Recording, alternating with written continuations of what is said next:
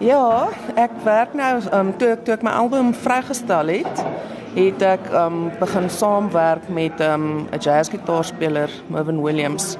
En um dit het my gehelp om te gaan in 'n rigting wat ek eintlik al lank na hunker om daai jazz invloede in te bring.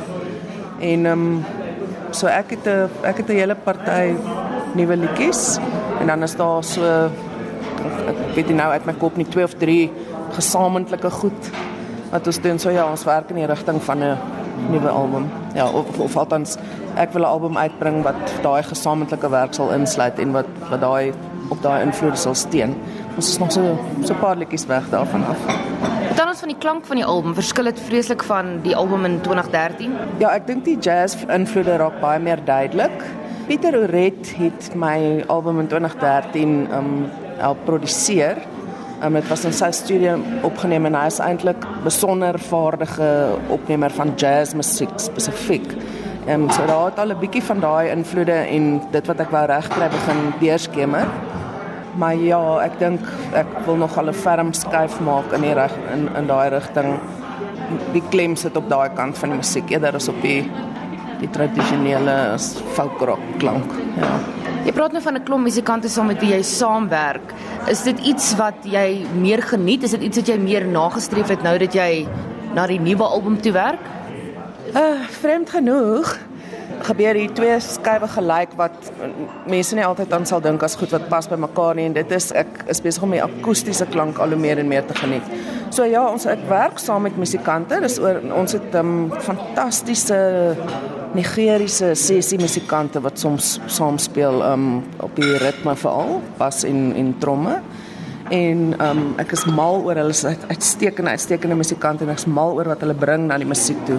Maar vir myself um geniet ek dit nogal dat my eie stem en klank uitkom.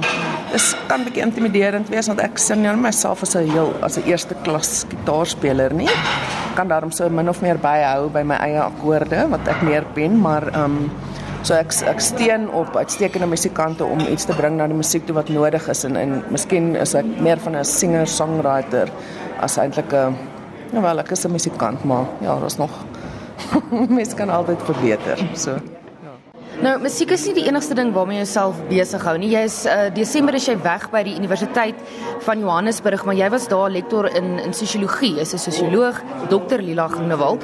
Daai daai invloed van jou navorsing, spoel dit enigstens oor in jou musiek? Uh, weet jy ek is baie baie lief vir my navorsing. Dit is baie moeiliker om dit by te bring buite die soort van institusionele konteks. Daar's allerlei steen vir navorsing wat minder beskikbaar is as jy nie in daai opset is nie. Maar ek sal sê die onderwerpe wat my na aan die hart lê is onderwerpe wat ek soms in musiek en soms in navorsing aanspreek. So ek dink dit is regtig dat die navorsing oorspoel na die musiek of andersom nie as ek probeer onderwerpe wat vir my belangrik is aanspreek. Ja daar's 'n reeks nou op op RSG wat ek sien jy ook baie oor op sosiale media oor praat. Dis mondstuk van van Charles Lennet en hy het een van jou snitte gespeel nou die aand. Wanneer dit kom by politiek en en Suid-Afrikaanse musiek, is Suid-Afrikaanse musikante bereid of spreek hulle daai tema aan van politiek?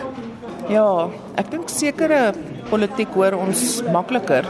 As as ons moet praat oor Suid-Afrikaanse musikante dan is baie diverse klomp mense en daar's verskillende geskiedenisse en ek dink daar's klem gelê en dit was kommersieel haalbaar om minder polities te wees natuurlik vir 'n lang tyd van ons geskiedenis. So daar daar sien mens dan verdeling in wat gebeur met die verskillende musiekmarkte. Ja, maar dit is vir my baie jammer dat ons in Afrikaanse musiek spesifiek meer sien van van een soort politiek en minder van 'n van 'n ander een wat miskien ehm um, meer progressief is uh, ja, meer inklusiewe wêreld probeer skep. So ek ek sou daarvan hou meer daarvan te sien en ek en ek vind baie dat die musikante wegskram daarvan. Mense hoor baie keer nie gehore wil nie politiek hoor nie. Ek dink dit het baie te doen met hoe benader 'n mens dit. Musiek is maar so so 'n fantastiese roete om op 'n ligte manier, op 'n op 'n um, sagter manier goed aan te spreek wat 'n mens wil miskien wil oorkry. So enige kunstenaar, of jy nou verhoog is met 'n teaterstuk of jy besig is met 'n film of jy musiek maak, ek dink as jy uit 'n hoogte uit gaan wil preek vir 'n gehoor, dan gaan jy nie ver kom nie. So mense moet 'n manier kry om dit aan te bied wat saam praat. Wat wat jou gehoor se intelligensie erken. nie neerkyk op hulle nie. En ek dink as jy as jy dit kan regkry om so te werk, dan is daar baie plek vir ons om politiek te praat in musiek wat op die oomblik miskien nie uitgebuit word soos dit kan nie. As ek kyk na Charlottesville, dan het ek 'n gevoel dat 'n mens kan soms toelaat dat dit gebeur dat jy so twee groepe het weerskante van 'n skeidslyn wat net glad nie meer mekaar se menslikheid kan erken nie. En dis vir my baie belangrik om te sorg dat daai stiltes nie inkruip wat maak dat mense mekaar nie meer kan hoor en verstaan nie. Dit is baie belangrik om in daai stiltes besig te wees om te praat, om te probeer verhoed dat ons op daai plek land wat ons so waar ons so ver uitmekaar is en net hierdie vreeslike gepolariseerde groepe het. So ja, ek dink dit is eintlik belangrike werk en ek ek wens meer mense sou dit wou doen en ook dat miskien dat dit meer ehm um, kommersiële aandag sou kry, meer ligtyd sou kry op die radio.